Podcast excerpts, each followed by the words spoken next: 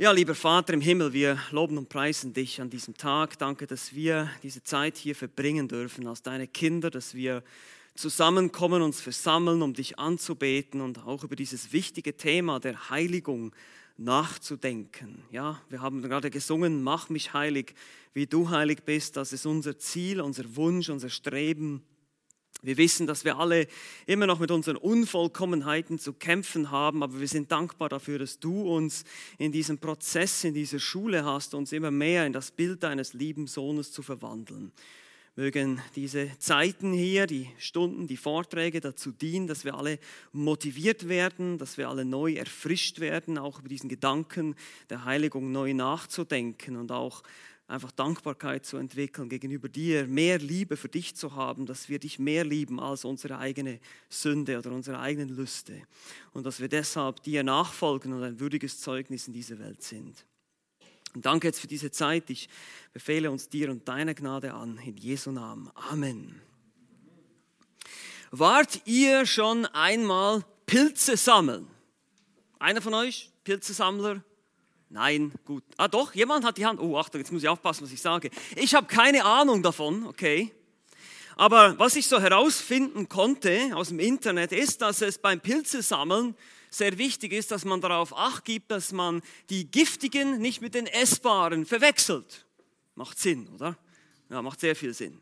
Aber das Problem ist eben auch, dass es äh, sogenannte giftige Doppelgänger gibt von Pilzen, die essbar sind, also die, die ziemlich genau gleich aussehen, die sehr ähnlich sind. Die essbaren Steinpilze zum Beispiel können mit dem sogenannten gemeinen Gallenröhrling verwechselt werden oder der Perlpilz mit dem Pantherpilz, der Nervengift enthält. Also passt auf, wenn ihr heute Mittagessen habt, wenn, wenn es Pilze gibt, ich weiß nicht, ob da Pilze drin sein werden, dann Vorsicht. Es gibt giftige Doppelgänger, die gleich aussehen und die sehr schwierig sind zu unterscheiden.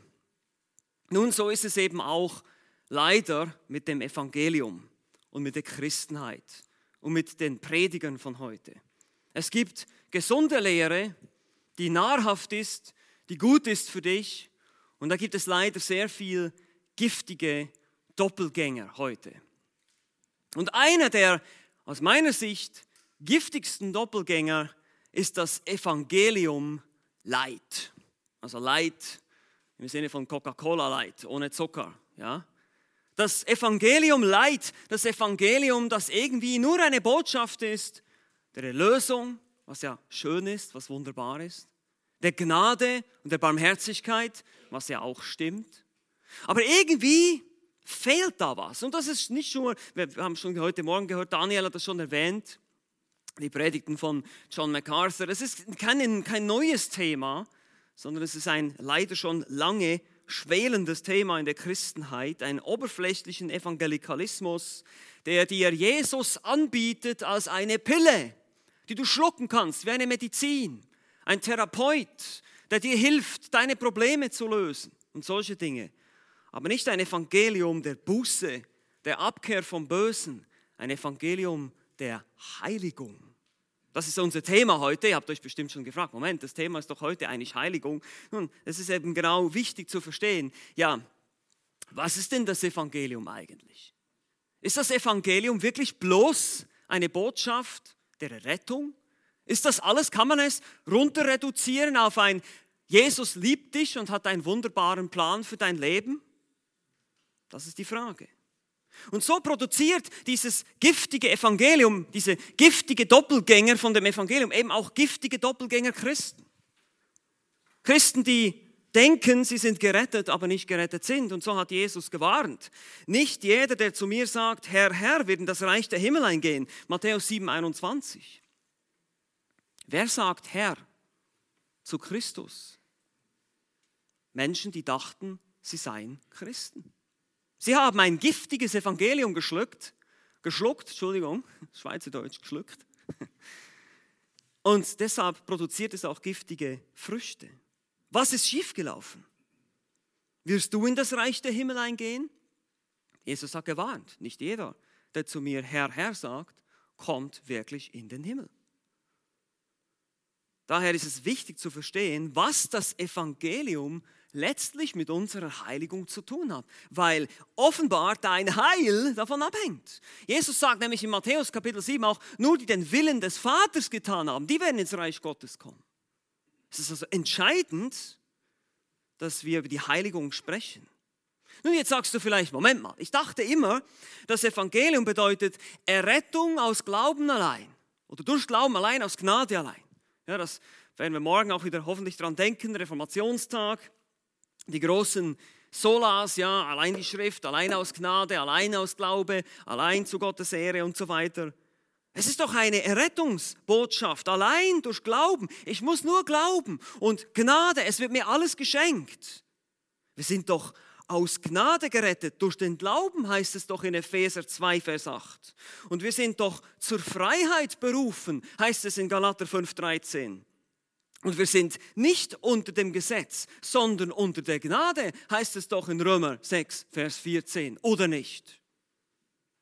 Nun, zunächst mal stimmt das. Aber wie wir heute schon ein paar Mal gehört haben, auch in den vorangegangenen Vorträgen, es ist, es ist immer auch ein Kontext zu beachten bei all diesen Stellen. So heißt es zum Beispiel in Epheser 2, Vers 8, ein paar Verse weiter, in Verse 10, in Vers 10, dass wir seine Schöpfung sind, erschaffen in Christus Jesus zu guten Werken. Oder in Galater 5,13 heißt es, ja, wir sind zur Freiheit berufen, aber macht das, äh, das, äh, die Freiheit nicht zu einem Vorwand für das Fleisch. Oder auch in Römer 6,14, wenn wir den vollständigen Vers lesen, heißt es, denn die Sünde wird nicht herrschen über euch, weil ihr nicht unter dem Gesetz seid, sondern unter der Gnade. Moment. Irgendwie bedeutet das jetzt, dass wir unter der Gnade sind, dass die Sünde nicht herrschen wird über uns. Hm.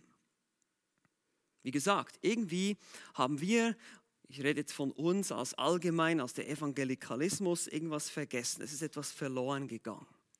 Und darum soll es heute gehen. Wir haben schon gehört, was hat das Gesetz mit unserer Heiligung zu tun? Was ist überhaupt Gottes Absicht gewesen, von Anfang an sich ein Volk zu retten, herauszuerwählen und zu heiligen? Und genau das wollen wir jetzt verstehen. Das Evangelium ist ein Ruf zur Heiligung und nicht nur zur Errettung. Wenn ihr irgendwas mitnehmt von heute, dann nehmt das mit. Ja? Das Evangelium ist ein Ruf zur Heiligung, nicht nur zur Errettung. Es ist eben keine billige Gnade. Es gibt kein Evangelium Leid. Es gibt nur das Evangelium, das einzige, das, was Paulus und die Apostel verkündigt haben, das, was Jesus selber verkündigt hat. Und das ist genau das, was wir im Neuen Testament finden. Also wenn wir darüber nachdenken, was hat das Heiligung, äh, was hat das Evangelium mit unserer Heiligung zu tun, dann müssen wir darüber nachdenken, ja, was ist denn das Evangelium? Es ist ein Ruf zur Umkehr. Das hat Jesus schon ganz von Anfang an, sehen wir das in den Evangelien deutlich gemacht. In Markus Kapitel 1, Vers 15 heißt es, die Zeit ist erfüllt, das Reich Gottes ist nahe, tut Buße und glaubt an das Evangelium. Da heißt es nicht nur glaubt, sondern tut Buße. Und Buße tun ist, sich eben abwenden von Sünde, wegwenden vom Bösen und hin zu Gott wenden. Und das zieht sich wie ein roter Faden durch die Evangelien. Immer wieder fordert Jesus auf, ihm nachzufolgen. Da heißt es zum Beispiel in Lukas 9, Vers 23, wenn jemand mir nachkommen will, so verleugne er sich selbst und nehme sein Kreuz auf sich täglich und folge mir nach. Denn wer sein Leben retten will, der wird es verlieren. Wer aber sein Leben verliert um meinetwillen, der wird es retten. Wer nicht sein Kreuz auf sich nimmt und mir nachfolgt, der ist meiner nicht wert, sagt er auch. Wer sein Leben findet, der wird es verlieren. Wer sein Leben verliert um meinetwillen, der wird es finden. Matthäus 10, 38. Nimm dein Kreuz auf dich und folge mir nach. Nun, es war ein bisschen schwierig für uns, das nachzuvollziehen, das Kreuz auf sich nehmen. Heute tragen wir Kreuze als Schmuck. Ja, und damals war es so, dass das Kreuz ein Symbol der Schande war. Nur die schlimmsten Kriminellen gingen ans Kreuz, wurden ans Kreuz genagelt. Das Kreuz bedeutet Tod. Das Kreuz war ein Todesurteil, kein Schmuck. Und wenn jemand diesen Querbalken aufgehoben hat und diesen Weg gegangen ist, dann ging er den Weg in den sicheren Tod. Das heißt, Jesus ruft uns auf, er gibt uns eine Einladung zum Sterben. Das ist das, was es eigentlich bedeutet. Nun, nicht unbedingt der Märtyrertod, ja, Gott sei Dank, einige von uns vielleicht schon oder in anderen Ländern sehen wir das, aber hier geht es darum, täglich zu sterben, sagt Jesus. Täglich. Was, was, was soll ich denn sterben? Meinen Wünschen, meinen Träumen, meinen Begierden, all diesen Dingen. Das ist ein Aufruf zur Buße, es ist ein Ruf zur Heiligung. Wir haben das heute schon gehört. Du gehörst mir. Absonderung, ja, weg vom Bösen, weg vom Profanen. Einen besonderen Zweck hast du zu erfüllen für mich, sagt Jesus, wenn er sagt, folge mir nach. Werde mir ähnlich. Hör auf, dich selbst zu sein. Hör auf, deinem Herz zu folgen. Hör auf, auf deine Gefühle zu hören. Hör auf, nach deiner Intuition zu leben, sondern folge mir nach. Lebe meine Worte aus. Er will dich, und zwar ganz, die ganze Hingabe. Das hat Gott im Alten Testament schon deutlich gemacht, haben wir heute gehört, und im Neuen ist es nicht anders. Gott will, dass du ihm gehörst. Wenn jemand zu mir kommt und hasst nicht seinen Vater und seine Mutter und seine Frau und Kinder, Brüder und Schwestern, dazu aber auch sein eigenes Leben, so kann er nicht mein Jünger sein. Diese Liebe zu ihm muss so aussehen, als wäre alle anderen, alle anderen Zuneigungen in deinem Leben Hass. Heißt nicht, dass wir unsere Geschwister oder unsere Frauen hassen sollen, sondern er meint damit, Jesus muss den ersten Platz haben in meinem Leben. Wer Vater oder Mutter mehr liebt als mich, der ist meiner nicht wert. Und wer Sohn oder Tochter mehr liebt als mich, der ist meiner nicht wert. Matthäus 10, 37. Genau dasselbe. Das Prinzip ist klar. Jesus will nur auf Platz 1 sein und nirgendwo sonst. Die erste Liebe, die erste Priorität. Wir sollen alle Brücken abbrennen hinter uns. Wir sollen sogar unser eigenes Leben hassen, sagt er in Lukas 14, 26. Die, das Leben hier, Psyche, steht für irdische Existenz. Ich soll mich selbst hassen. Das heißt, mein altes Leben, meine alten Wünsche, meine Lüste, meine Ziele, meine Ideen, was immer ich, wie immer ich mir mein Leben vorgestellt habe. Das sagt Jesus, wirf das über Bord, heilige dich für mich, folge mir nach. Ich weigere mich länger etwas mit mir selbst zu tun zu haben. Das ist die Idee der Nachfolge. Aber das bewirkt auch Gott in uns. Jesus ist gekommen, nicht nur um uns von der Konsequenz der Sünde zu befreien, eben die Strafe, die ewige Strafe in der Hölle. Auch das wird heute natürlich oft schon nicht mehr verkündigt. Es wird einfach gesagt, Jesus ist gekommen, um dir ein besseres Leben zu geben, um dir einen Sinn zu geben. Aber nicht einmal nur das, selbst dieser Gedanke, Jesus liebt dich und möchte nicht, dass du in die Hölle kommst, greift immer noch zu kurz. Da verstehen wir noch nicht das volle Evangelium, haben wir es noch nicht begriffen. Sondern er möchte uns von der Sünde selbst befreien. Er rettet uns von Sünde, nicht nur von der Konsequenz davon, sondern von Sünde selbst. Daher nochmal, wenn es um die Frage geht, was hat das Evangelium mit Heiligung zu tun, die Antwort ist alles. Das ist das Ziel. Das ist der Grund, warum du gerettet wirst. Das ist der Grund, warum Christus gestorben ist. Das ist der Grund, warum er dich erwählt hat und zu sich gezogen hat. Wovor werden wir denn eigentlich gerettet? Das ist die Schlüsselfrage hier. Wovor rettet denn eigentlich das Evangelium? Wie gesagt, Jesus selbst macht das deutlich. Und wir sehen das auch in der Apostelgeschichte, es ist immer wieder ein Aufruf zur Buße. Aber ich habe mich dafür entschieden, weil man hätte jetzt ganz viele Texte anschauen können, wie ich das jetzt gemacht habe mit dem Evangelium. Aber ich habe mich entschieden, uns einen Text anzuschauen, wo der Apostel Paulus das quasi in einer Nussschale für uns zusammenfasst. Ist doch schön, oder? wenn man eine Zusammenfassung kriegt. Und zwar ist das im Titusbrief, Titus Kapitel 2, die Verse 11 bis 14. Lass uns diese Stelle aufschlagen. Der Rest unserer Zeit werden wir jetzt hier noch verbringen. Titus Kapitel 2, die Verse 11 bis 13. Bis 14, Entschuldigung. 14 kommt auch dazu. Und ich fasse kurz zusammen, was der Kontext ist des Titusbriefes. Warum wurde dieser Brief überhaupt geschrieben?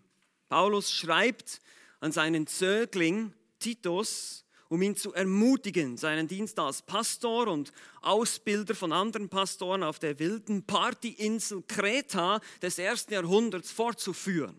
Wir lesen davon, dass es da viele Schwätzer und Irrlehrer gab, Leute, die nach eben nach, nach ihrem Bauchgefühl lebten, böse Tiere, faule Bäuche werden sie bezeichnet im Titusbrief. Und Titus hat die Aufgabe, in Titus 1, Vers 5 sehen wir das, Dinge in Ordnung zu bringen, Ordnung reinzubringen in die ganze Sache, auf den Gemeinden, in den Gemeinden, indem er erstmal überall geistliche Leiter einsetzt, Pastoren einsetzt, Hirten die diese Irrlehrer zurechtweisen können und die die gesunde Lehre weitergeben. Natürlich auch soll er selbst, Titus selbst, das sehen wir in Kapitel 2, Vers 1, du aber was der, äh, rede, was der gesunden Lehre entspricht. Er soll selber reden, was der gesunden Lehre entspricht. Er soll selber auch so ein Vorbild sein.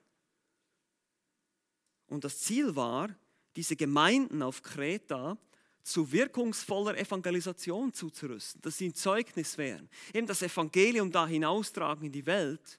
Aber dadurch war es enorm wichtig, dass sie selber eben auch ein Zeugnis sind.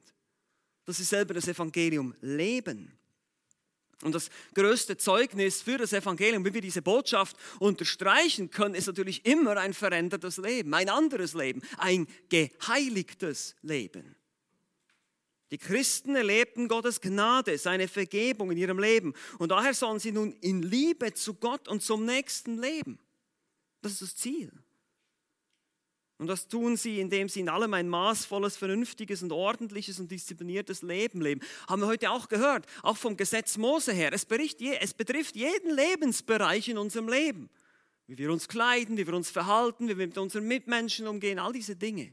An all diesen Dingen sollen sie ein Zeugnis sein. Und so gibt Paulus hier dem Titus in Kapitel 2 diese Anweisungen, wie sich die alten Männer verhalten sollen, wie sich die alten Frauen verhalten sollen, die jungen Frauen, die jungen Männer, auch Titus selbst, die Knechte, all diese Anweisungen. Später in Kapitel 3 geht es sogar auch noch um die Unterordnung oder die Regierung, wie sie gegenüber der Außenwelt sich verhalten sollen. Aber warum? Wozu? Woher? Was ist die Basis dafür? Das ist die Frage. Sie sollen, die Frauen sollen vorbildlich wandeln, sie sollen besonnen, rein, heilig, keusch sein und so weiter. Die Männer sollen besonnen sein, die Frauen, äh, die Sklaven sollen sich unterordnen und und und. Warum? Was ist die Basis? Was ist die Grundlage?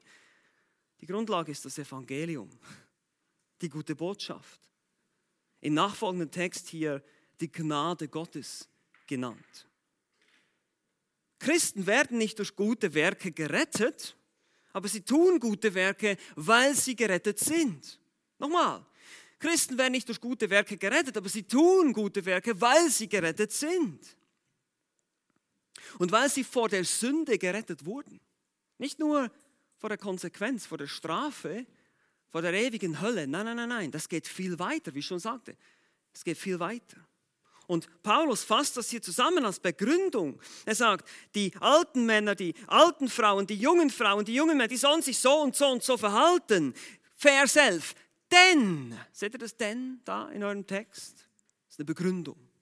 Denn, warum sollen sie das tun? Warum sollen sie ein geheiligtes Leben führen? Denn die Gnade Gottes ist erschienen, die heilbringend ist für alle Menschen.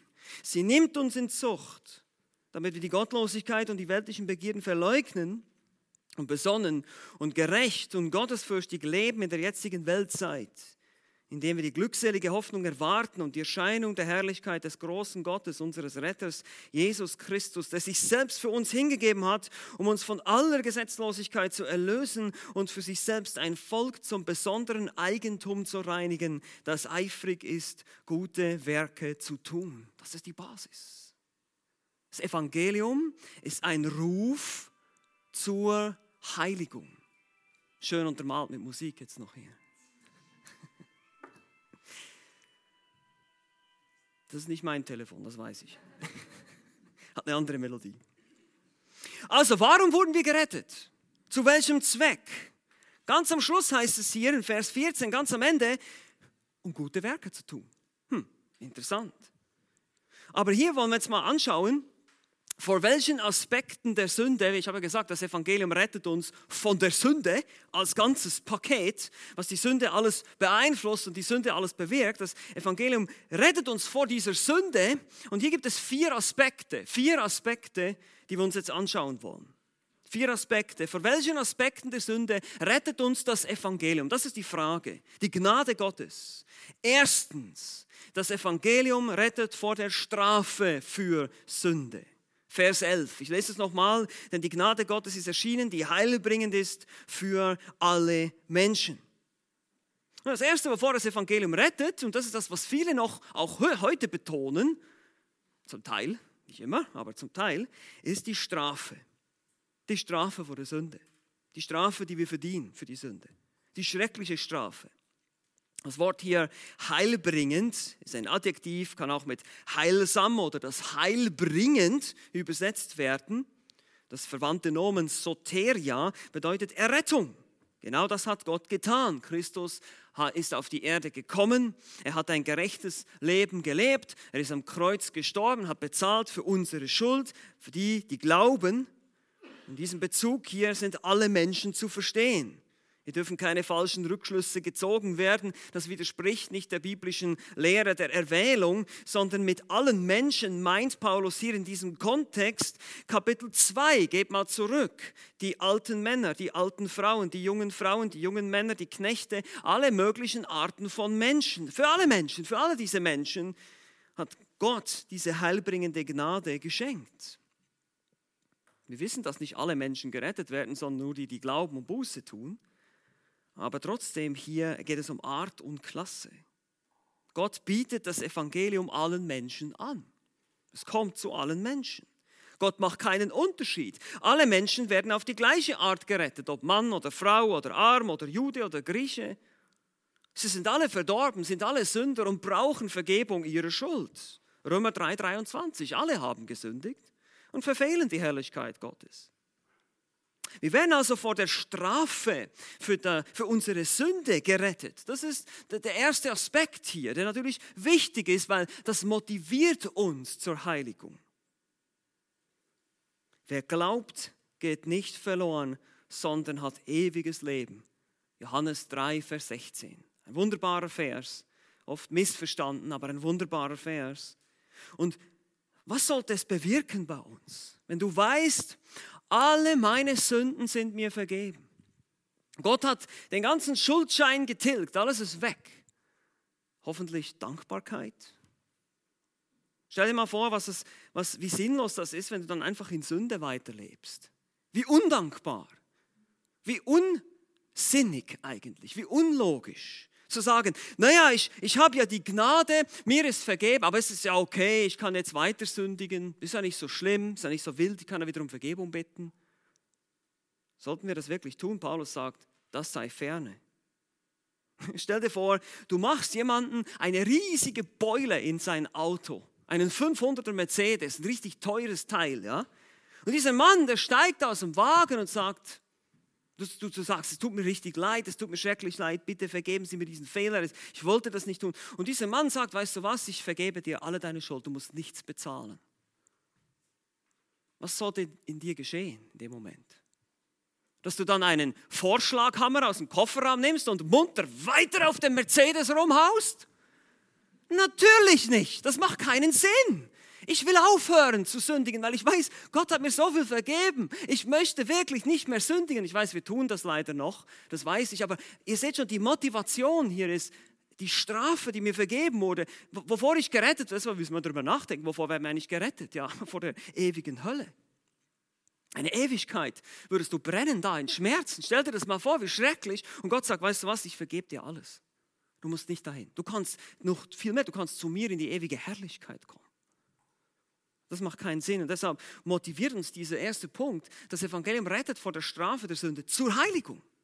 Aber das ist noch nicht alles. Das ist der erste Punkt. Der zweite Punkt ist, das Evangelium rettet vor der Macht der Sünde. 2 Vers 12 heißt es, diese Gnade Gottes, immer noch das Evangelium, sie nimmt uns in Zucht, damit wir die Gottlosigkeit und die weltlichen Begierden verleugnen und besonnen und gerecht und gottesfürchtig leben in der jetzigen Weltzeit. Das ist jetzt ganz wichtig zu verstehen. Das Evangelium rettet auch vor der Macht der Sünde.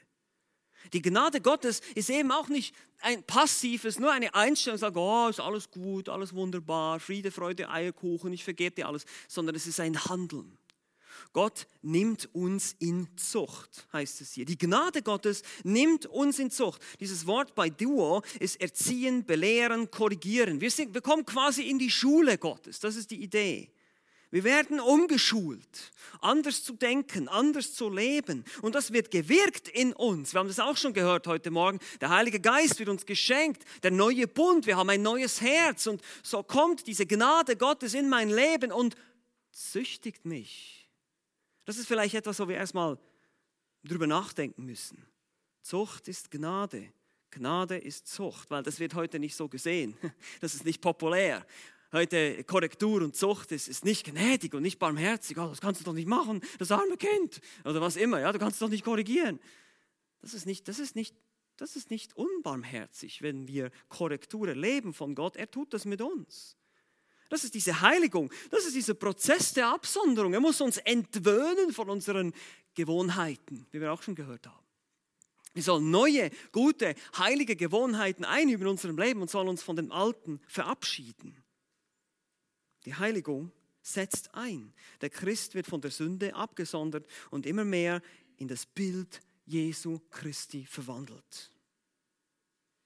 Und das wird dann in Vers 12 natürlich weiter beschrieben, wie diese Zucht aussieht oder was das Resultat ist davon, damit wir die Gottlosigkeit und die weltlichen Begierden verleugnen. Hier Arneomai, ablehnen, Nein sagen zu Gottlosigkeit und zu weltlichen Begierden.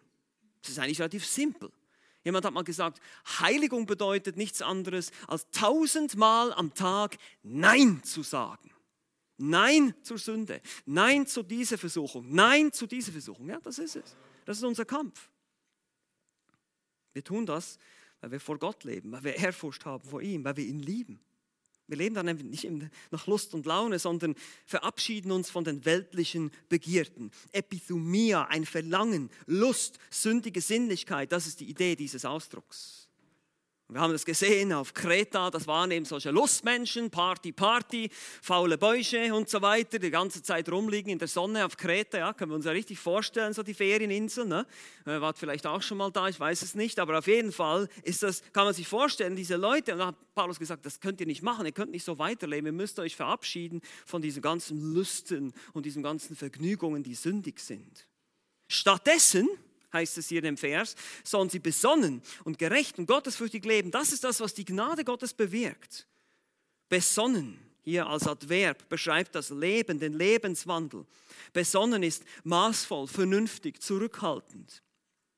Gerecht verstehen wir alle im Sinne von aufrichtig oder ehrlich oder rechtschaffen. Ein rechtschaffenes Leben in Beziehung zu Menschen und auch zur Außenwelt. Und gottesfürchtig, gottselig oder fromm, manchmal übersetzt in anderen Übersetzungen, Jussebos. Hier geht es um die Hingabe an Gott. Wiederum dieser Gedanke, es geht nicht darum, dass ich irgendwas tue, ein, ein, ein Set von Regeln befolge, sondern dass ich Gott ganz gehöre.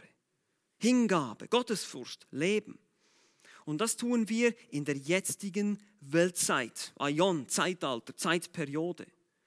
Das ist diese jetzige dunkle Zeit, in der wir gerade leben, die auch von bösen Mächten und Sünden überschattet wird. Wir sollen hier als Zeugnisse leuchten. Das Evangelium bricht also die Macht der Sünde über uns. Was für eine Botschaft! Wie ermutigend ist das denn? Aber wir müssen es erstmal verstehen. Die Gnade Gottes bedeutet nicht, dass wir einfach tun und machen können, was immer wir wollen, sondern dass wir das eben nicht mehr tun müssen. Wir werden es auch gleich sehen, Sünde ist auch Sklaverei. Gnade Gottes ist am Wirken in uns. Sie bewirkt bei dir und bei mir das Wollen und das Vollbringen. Philipper 2,13. Und Gott züchtigt uns, weil er uns lieb hat. Denn wen der Herr lieb hat, den züchtigt er. Hebräer 12, Vers 6. Meine Lieben, das ist ein ganz wichtiges Thema hier. Wenn du nicht an dieser Züchtigung, an dieser liebevollen Disziplin teilhast, wenn du nicht diese Züchtigung erlebst, wenn du nicht erlebst, wie der Heilige Geist dir manchmal den Finger auf die wunde Stelle legt und sagt, hier musst du was ändern, hier musst du was ändern in deinem Leben. Wenn du das nicht erlebst, dann bist du kein Christ. Dann machst du dir was vor. Das ist kein echtes Christentum.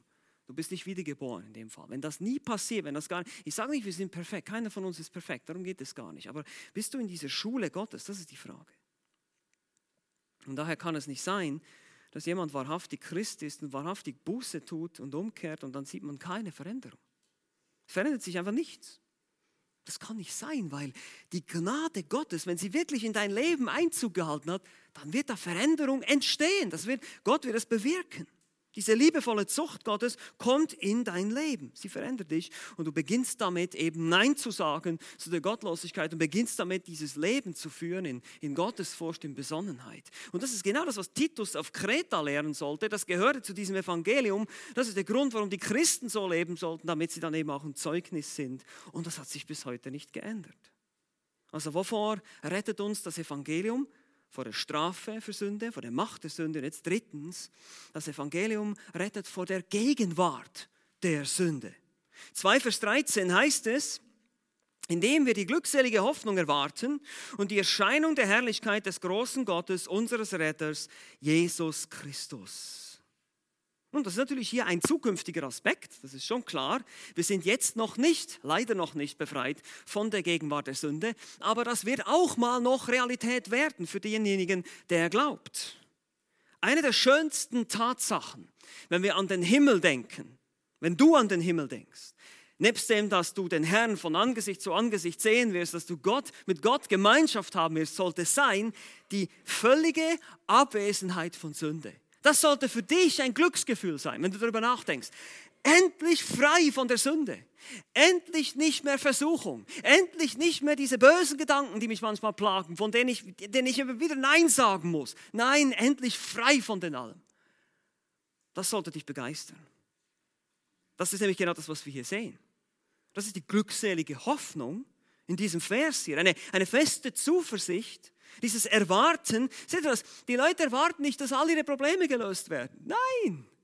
Ah, ich will endlich. Nein, die erwarten die glückselige Hoffnung, diese Hoffnung in Jesus Christus, dieser Himmel, diese neue Welt, diese Erscheinung heißt es hier. Es trägt die Idee von Enthüllung, Veröffentlichung. Die Herrlichkeit, unser Retter zeigt sich in seinem ganzen Glanz und Majestät, wenn er wiederkommt. Paulus hat hier das zweite Kommen im Sinn. Er unterscheidet hier nicht groß zwischen Entrückung und äh, zweites Kommen. Das ist hier auch gar nicht das Thema, sondern es geht hier vielmehr darum, wenn er kommt, dann wird in dieser Weltzeit wird sich einiges ändern. Und in dieser Erde, diese Erde wird vergehen und es wird eine neue Erde geben und einen neuen Himmel, eine neue Welt, in der wir leben, wo es eben die Gegenwart der Sünde nicht mehr gibt. Und das, meine Lieben, ist auch ein Aspekt des Evangeliums.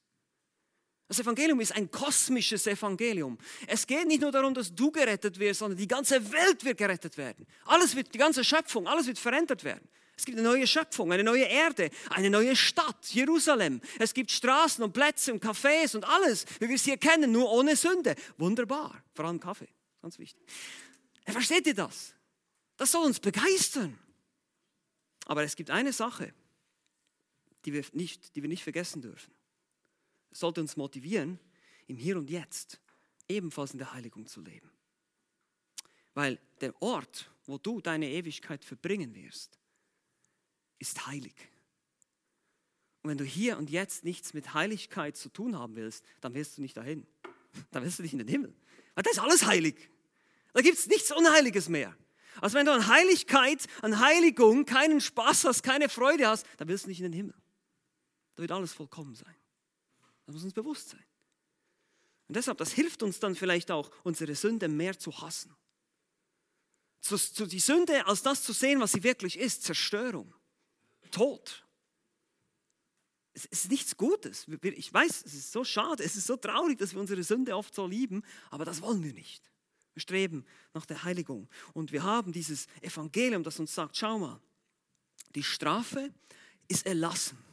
Die Gnade Gottes kommt in dein Leben und verändert dich. Der Heilige Geist, du hast die Kraft, du hast die Macht, ich sage es jetzt mal so, Nein zu sagen zur Sünde. Du musst nicht mehr sündigen. Du darfst in der Heiligung leben. Das ist die, der Gedanke, das ist die Idee des Evangeliums. Und schau mal, guck in die Zukunft, schau mal, was dich erwartet. Eine Welt, wo es nichts Böses, keine Krankheit, keinen Tod, keinen Schmerz, keine Sünde, keine Ungerechtigkeit, alles, was wir hier haben jetzt auf dieser Welt, was uns beschäftigt, was uns vielleicht auch selber betrifft, wo wir vielleicht unter den Sünden anderer äh, leiden und so weiter oder Krankheiten haben, alles wird weg sein. Und es wird alles heilig sein, alles vollkommen sein. Das Evangelium bedeutet die Befreiung von der Gegenwart der Sünde ultimativ, ein für alle Mal, die Wiederherstellung aller Dinge. Und das ist das, worauf wir zusteuern hier. Das ist das, worauf wir zusteuern. Und das Schönste natürlich, was wir da erleben werden, ist die Gemeinschaft mit dem ewigen Gott. Ihr müsst euch das mal, ich weiß nicht, ob ihr da mal länger drüber nachgedacht habt, ich denke da mal öfters mal wieder drüber nach. Wir werden eine ganze Ewigkeit, also das hört nicht mehr auf. Das ist nicht 100 Jahre, das ist nicht 1000 Jahre, das ist nicht eine Million Jahre. Nach einer Million Jahren, wenn wir sagen, oh, der ist so viel vorbei, oh, vielleicht haben wir nicht mal mehr Uhren, ich weiß es nicht. Und das Schönste wird, diese, diese lange Zeit werden wir verbringen mit einem ewigen Wesen, mit ewiger Intelligenz, ewiger Weisheit, unerschöpfliche Dinge zu erkennen, zu lernen, zu verstehen. Fantastisch. Es gibt nichts Schöneres. Es ist wunderbar, es ist aufregend, es ist spannend. Und oft, wenn wir an den Himmel denken, hm, naja, Warum? Weil wir eine falsche Vorstellung haben. Wir müssen erstmal verstehen, das Evangelium zeigt uns, wozu Gott uns berufen hat, wovor er uns befreien wird von dieser Last, die wir jetzt noch haben hier auf der Erde. Ihr werdet ewig leben in einem Zustand, in dem man nicht sündigen kann, in einer Welt, in der es nur noch Heiliges und Gutes gibt. Dieses Wissen, meine Lieben, sollte uns auch hier und jetzt einmal mehr zur Heiligung motivieren. Also nochmal, wovor rettet uns das Evangelium? Es rettet vor der Strafe, es rettet vor der Macht, es rettet vor der Gegenwart. Und jetzt viertens, das Evangelium rettet vor der Sklaverei der Sünde. Ist vielleicht ein bisschen ähnlich wie Macht. Ja, die Macht ist gebrochen, aber wenn ich Macht habe über jemanden, heißt es noch lange nicht, dass er mein Sklave ist. Sklaverei ist intensiver. Hier heißt es in Kapitel 2, Vers 14, der sich selbst, das ist wieder Christus hier, der sich selbst für uns hingegeben hat, um uns von aller Gesetzlosigkeit zu erlösen und für sich selbst ein Volk zum besonderen Eigentum zu reinigen, das eifrig ist, gute Werke zu tun.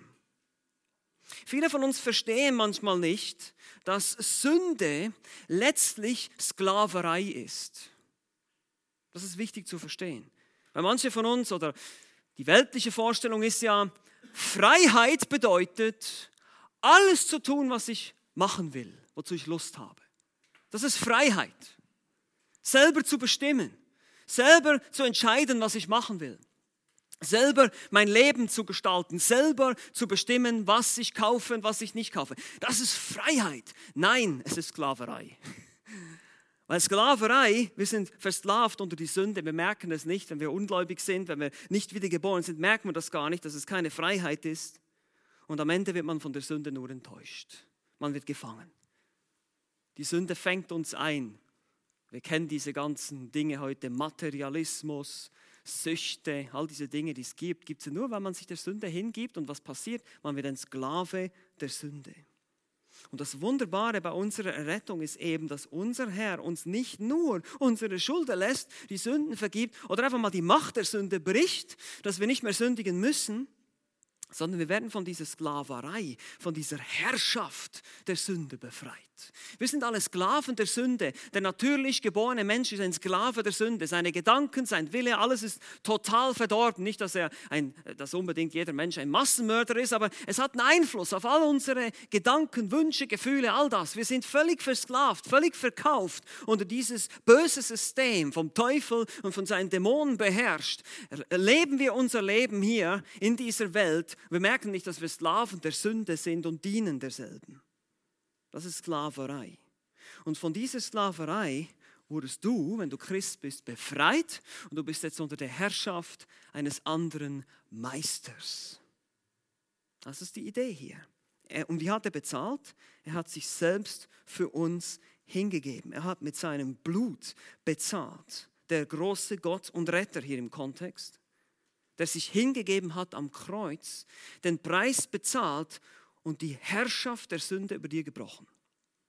Das heißt hier weiter in diesem Vers, um uns von aller Gesetzlosigkeit zu erlösen. Siehst du das? Du bist erlöst von der Gesetzlosigkeit.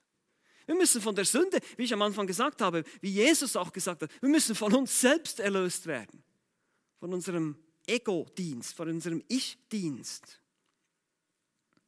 Die Erlösung von der Gesetzlosigkeit. Nicht nur die Strafe, sondern von der Gesetzlosigkeit selbst wirst du losgekauft, befreit von der Tyrannei der, der Gesetzlosigkeit. Es hat ein Herrschaftswechsel stattgefunden. Und das beschreibt dann auch der Rest des Verses.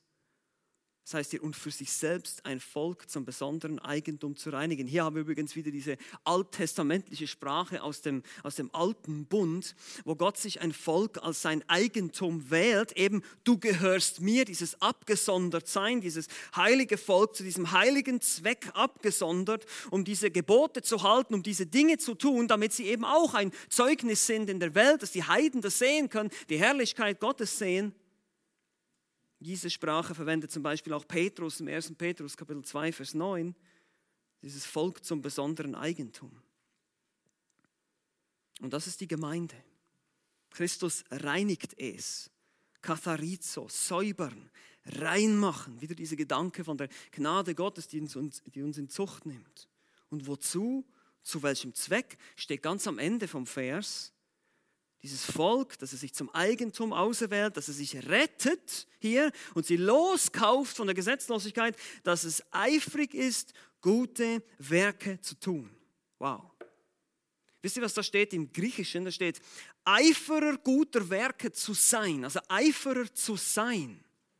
Wir sollen nach guten Werken streben. Das ist nicht nur ein, ein kleiner Zusatz oder eine Option zu deinem Leben, sondern das ist die Hauptsache seid heilig, denn ich bin heilig. Es hat sich nichts geändert in dem Bereich.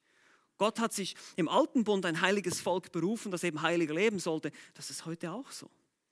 Es gibt gewisse Unterschiede, das hat uns Thomas erklärt, haben wir schon gesehen, aber im, im, Wesentlichen, im Kern ist das Evangelium, der Ruf zur Rettung, der Ruf ist nicht nur ein Ruf zur Rettung vor der Konsequenz, sondern eben hinaus in ein ganz neues Leben. Wir sollen Eiferer sein. Es soll zu unserer Gewohnheit werden, gute Werke zu tun. Und das ist ganz wichtig zu verstehen. Es gibt nur zwei Arten von Menschen auf dieser Welt. Und sie sind beide Sklaven.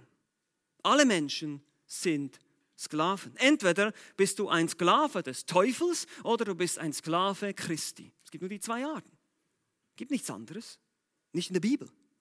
Es gibt keinen neutralen Bereich, es gibt nicht irgendwo was zwischendrin. Entweder gehörst du ins Reich der Finsternis oder ins Reich des Lichts. Und wenn du ein Kind des Lichts bist, wenn du ein Kind Gottes bist, dann wiederum macht uns die Bibel klar, immer wieder, dann wirst du auch so leben, nach diesem neuen Gesetz, nach dem Gesetz Christi, wie wir es heute gehört haben. Wirst du danach leben? Du wirst es wollen. Gott verändert dich im Inneren, dass du das willst.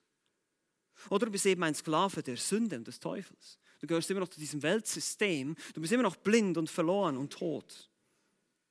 Und deshalb, gut aufpassen, gibt es so etwas wie freie Menschen nicht. Gibt es nicht. Nicht im geistlichen Sinn. Das ist die größte Lüge seit Anbeginn der Welt, seit dem Sündenfall. Der Teufel sagte zu Eva, was sagte er? Ihr werdet sein wie Gott. Ihr werdet unabhängig sein. Ihr könnt machen, was ihr wollt. Ihr könnt leben, wie ihr wollt. Blödsinn, gibt es nicht. Warum? Weil der Mensch nie geschaffen wurde, in Unabhängigkeit von Gott zu leben. Wir sind gar nicht dafür designt worden. Und deshalb ist die Frage, wessen Sklave willst du sein? Nun, der Herr, den wir haben, der ist ein gnädiger, barmherziger, gütiger und liebevoller Herr. Wem würde der eigentlich nicht dienen wollen? Wer sollte dem oder ihm nicht dienen wollen. Und doch wählen so viele Menschen die Sünde. Nur weil sie eine Illusion der Freiheit wollen. Also es ist wichtig zu verstehen, es hat einen Herrschaftswechsel gegeben. Wir sind nun nicht mehr länger Sklaven der Sünde, sondern Sklaven der Gerechtigkeit. Ihr könnt euch dazu auch Römer Kapitel 6 anschauen. Es gibt unzählige Stellen, die man hier anführen könnte und das können wir natürlich jetzt in der kurzen Zeit nicht tun. Aber entgegen der landläufigen Meinung bedeutet wahre Freiheit eben nicht, dass man sich an keine Regeln halten muss. Ich betone das nochmal. Wahre Freiheit bedeutet nicht, dass man sich eben an keine Regeln halten muss. Das ist ebenfalls eine Illusion die der Teufel erfunden hat. Die kommt direkt aus der Hölle. Diese Idee, Freiheit gleich keine Regeln. Das stimmt nicht, das ist nicht wahr. Wahre Freiheit ist nicht alles zu tun, wozu man Lust hat. Das ist Sklaverei und Gefangenschaft. Die Sünde, die Lust nimmt dich gefangen. Aber wenn du ein Sklave Christi bist, dann bist du frei. Interessanter, scheinbarer Widerspruch, aber das ist genau das. Du bist frei von deinen Umständen. Du bist frei, deinen Trieben nicht nachzugehen. Du bist frei von deinem bösen Herz. Du bist frei, ständig die Selbstzerstörung zu leben, so wie das die Menschen tun. Davon befreit dich das Evangelium. Davon will dich Gott befreien, von dir selbst, von deiner eigenen Sündhaftigkeit. Das ist die gute Botschaft. Nicht nur die Strafe vor der Hölle, das ist natürlich auch Teil des Pakets und wunderbar. Aber es ist, ich hoffe, ich konnte das einfach zeigen, es ist viel mehr als das. Es ist viel mehr als das. Du bist frei, wenn du ein Sklave Christi bist, ansonsten bist du nicht frei. Wir haben uns am Anfang die Frage gestellt, inwiefern gibt es einen Zusammenhang zwischen Evangelium und Heiligung? Wir haben gesehen, dass das Evangelium selbst der Ruf zur Heiligung ist. Wir haben gesehen, dass Christus selbst bereits deutlich gemacht hat, dass das Evangelium ein Ruf in die Nachfolge ist. Ein Ruf, Buße zu tun, alles hinter sich zu lassen, das Kreuz auf sich zu nehmen und ihm nachzufolgen. Paulus in seinem Brief an Titus macht deutlich, warum Christen auf Kreta einen besonnenen Lebenswandel, einen heiligen Lebenswandel an den Tag legen sollen, warum sie gute Werke tun sollen, weil sie behaupten und bekennen, das Evangelium zu glauben. Weil das Evangelium uns nicht nur vor der Strafe, sondern eben auch von der Macht der Sklaverei und ultimativ von der Gegenwart der Sünde befreiend. Das ist die Grundlage, das ist die Basis für unser Verhalten. Und deshalb hier ganz einfach drei Anwendungen, nur drei. Ganz einfach, ich habe sie nicht auf der Folie, aber es sind auch immer nur zwei Worte. Erstens, prüfe dich. Zweitens, reinige dich. Drittens, freue dich. Ja, das sind die drei. Das sind die drei. Erstens, prüfe dich. Paulus schreibt zum Beispiel auch den Korinthern, weil sie in grober Unmoral lebten, prüft euch selbst, ob ihr im Glauben seid. 2. Korinther 13, Vers 5. Selbstprüfung ist immer eine wichtige Sache, sollten wir immer mal wieder tun, uns selber prüfen. Sieht mein Leben wirklich so aus, wie es die Bibel beschreibt? Sehe ich das Wirken des Heiligen Geistes in meinem Leben? Wenn ich zurückschaue, die letzten 10, 20 Jahre, hat sich da wirklich was verändert in meinem Leben? Zum Guten hin natürlich, nicht zum Schlechten dann kann ich sehen, okay, ich habe wirklich Buße getan. Und wo gibt es Dinge in meinem Leben, wo ich wirklich Buße tun muss? Das ist das Zweite. Reinige dich. Tue Buße, kehre um von deinen Sünden. Nun, die Heiligung ist ein Prozess, haben wir gehört. Es ist einerseits eine Position, wir werden zu Heiligen erklärt, wir werden gerettet, wir werden ein für alle Mal, alle Sünden werden vergeben. Und dann kommen wir in diesen Prozess rein dieser Schritt für Schritt Prozess, diese Schule Gottes, diese Gnade, die Zucht ist, die uns weiterhilft. Und der Heilige Geist legt immer mal wieder seinen Finger auf eine Wunderstelle und sagt, okay, jetzt ist das dran, jetzt ist das an der Reihe, jetzt musst du hier was lernen und jetzt bist du hier wieder zurückgefallen, jetzt hast du hier wieder. Und so geht das immer weiter und so ist das, das Leben des Christen quasi, wenn man so in einer Kurve zeigen müsste, ist es so. Ne? So, so eine Wellen. Aber die geht irgendwie nach oben so. Und irgendwann macht es flupp und dann ist es dann da auf dem Mond, ganz oben. Perfektion. Ja? Aber, aber so, so, es geht mal wieder zurück, mal wieder hoch. Aber insgesamt kommen wir dem Bild Christi immer näher. Wir werden immer ähnlicher wie Christus. Das ist reinige dich. Wer seine Schuld verheimlicht, der wird es nicht gelingen. Wer sie aber bekennt und lässt, der wird Barmherzigkeit erlangen. Das ist Sprüche 28, Vers 13. Und wenn du dich geprüft hast und wenn du in diesem Prozess stehst der Heiligung, dann drittens, natürlich, freue dich. Durch Heiligung kommt Gewissheit. Ja, was ist der größte Beweis für einen Christen, dass er wirklich Christ ist? Nun, weil er wie ein Christ lebt. Ja, das ist ganz logisch. Es sieht aus wie eine Ente und es quakt wie eine Ente. Es ist eine Ente. Und deshalb ist es auch, wenn ein Christ sich nicht wie ein Christ verhält, dann ist er eben kein Christ. Oder es stimmt irgendwas nicht. Und wenn der Christ sich eben wie ein Christ verhält, dann ist er ein Christ. Das ist eigentlich ganz logisch. Eigentlich ganz logisch. Die Heiligung bringt Gewissheit. Je mehr du verändert wirst, je mehr du erkennst, der Herr verändert mich, ich diszipliniere mich zu Gottesfurcht, ich trainiere mich zu Gottesfurcht, desto mehr wirst du auch Gewissheit haben. Ja, ich bin ein Kind Gottes. Ja, ich habe diese hoffnungsvolle Erwartung auf den Himmel. Du bist befreit von der Strafe. Du bist aber auch befreit von der Macht, von dieser Sklaverei der Sünde. Du bist frei, das Gute zu tun. Und das Tag für Tag für deinen Herrn. Die Frage ist auch, letztlich erwartest du ihn auch? Lebst du in dieser Hoffnung, das eines Tages zu sehen? Diese Herrlichkeit, diese Perfektion, diese Vollkommenheit. Erwartest du ihn? Deshalb prüfe dich, reinige dich und freue dich. Amen. Lass uns doch gemeinsam beten. Großer Gott, wir danken dir, dass dein Evangelium, die gute Botschaft, ein, ein Ruf ist letztlich, eine, ja, ein Aufruf zur Heiligung, zur Buße, zur Umkehr. Ein Angebot, dass du alle Sünden vergeben willst, dass du alles bezahlt hast, dass du alle unsere Schuld hinter dich wirfst. Und wir aus Dankbarkeit und Liebe dir gegenüber Eiferer guter Werke werden ein Volk des Eigentums. Wir dürfen zu dir gehören. Wir dürfen einen neuen Herr haben in unserem Leben. Das ist so wunderbar. Und eine wirklich wunderbare, unfassbare Zukunft an einem Ort, den wir jetzt noch kaum beschreiben können in Worten. Das so herrlich sein wird, weil es da all diese Dinge, die diese Welt heute hier kennzeichnen, als eine gefallene, als eine böse, als eine kaputte Welt, die nicht mehr da sein werden in dieser neuen Welt. Diese Herrlichkeit wird sich uns auftun und wir werden mit dir ewige Gemeinschaft haben. Danke für diese, diese Hoffnung, diese feste Hoffnung, die wir haben und möge sie uns wirklich motivieren, hier in dieser Weltzeit noch ein Leben zu führen, in dem wir eben der Gottlosigkeit und den weltlichen Begierden eine Absage erteilen und in Besonnenheit und Gottesfurcht leben, bis du kommst. Mögest du das schenken, mögest du uns beistehen, kräftigen.